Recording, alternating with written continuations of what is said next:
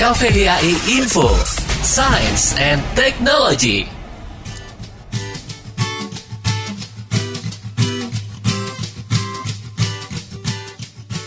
Jenis sayuran itu memang banyak banget kan?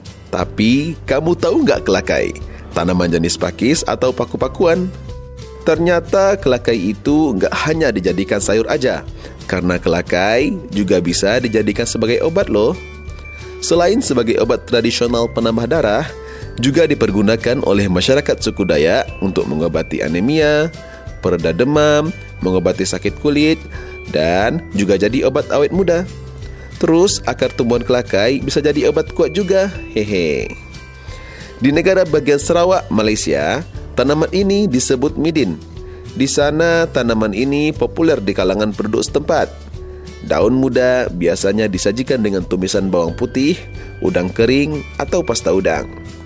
Daun kelakai bagi suku Dayak biasanya diolah jadi sayur oseng, keripik, peyek, kerupuk, stik, dan lain-lainnya. Gimana? Apa kamu tertarik juga nih buat konsumsi atau sekedar nyicip untuk merasakan sendiri manfaatnya? Informasi ini dipersembahkan oleh KVDAI Regional 4, Wilayah Indonesia Tengah, Timur, dan Luar Negeri.